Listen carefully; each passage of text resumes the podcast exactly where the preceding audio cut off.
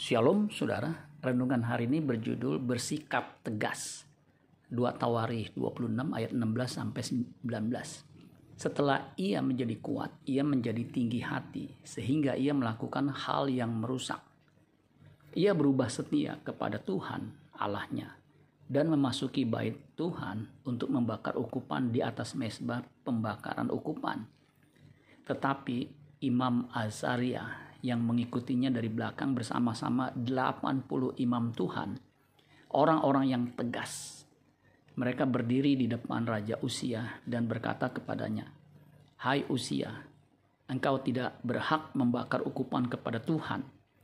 Hanyalah imam-imam keturunan Harun yang telah dikuduskan yang berhak membakar ukupan. Keluarlah dari tempat kudus ini, karena engkau telah berubah setia engkau tidak akan memperoleh kehormatan dari Tuhan Allah karena hal ini.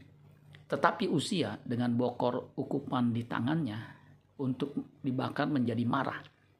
Sementara amarahnya meluap terhadap para imam, timbullah penyakit kusta pada dahinya di hadapan para imam di rumah Tuhan dekat mesbah pembakaran ukupan. Seorang rohaniawan harus punya ketegasan dalam bersikap dan mengambil keputusan meskipun harus berhadapan dengan pejabat. Imam Azaria punya rekan sepelayanan berjumlah 80 orang imam juga adalah orang-orang yang tegas yang tidak kompromi dengan pelanggaran.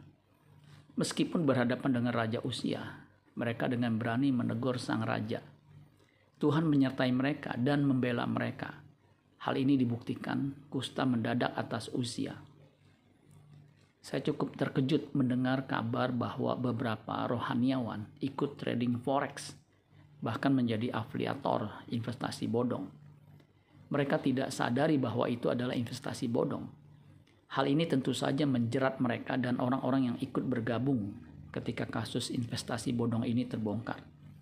Seharusnya pendeta atau rohaniawan harus tegas, tidak melibatkan diri dalam usaha-usaha mencari uang dengan cara-cara yang bersifat gambling, apalagi menjadi afiliator untuk trading forex. Kita harusnya mengikuti prinsip Rasul Paulus yang bekerja keras sebagai pembuat tenda dan belajar mencukupkan diri dengan apa yang ada. Amin buat firman Tuhan. Tuhan Yesus memberkati. Sola Gracia.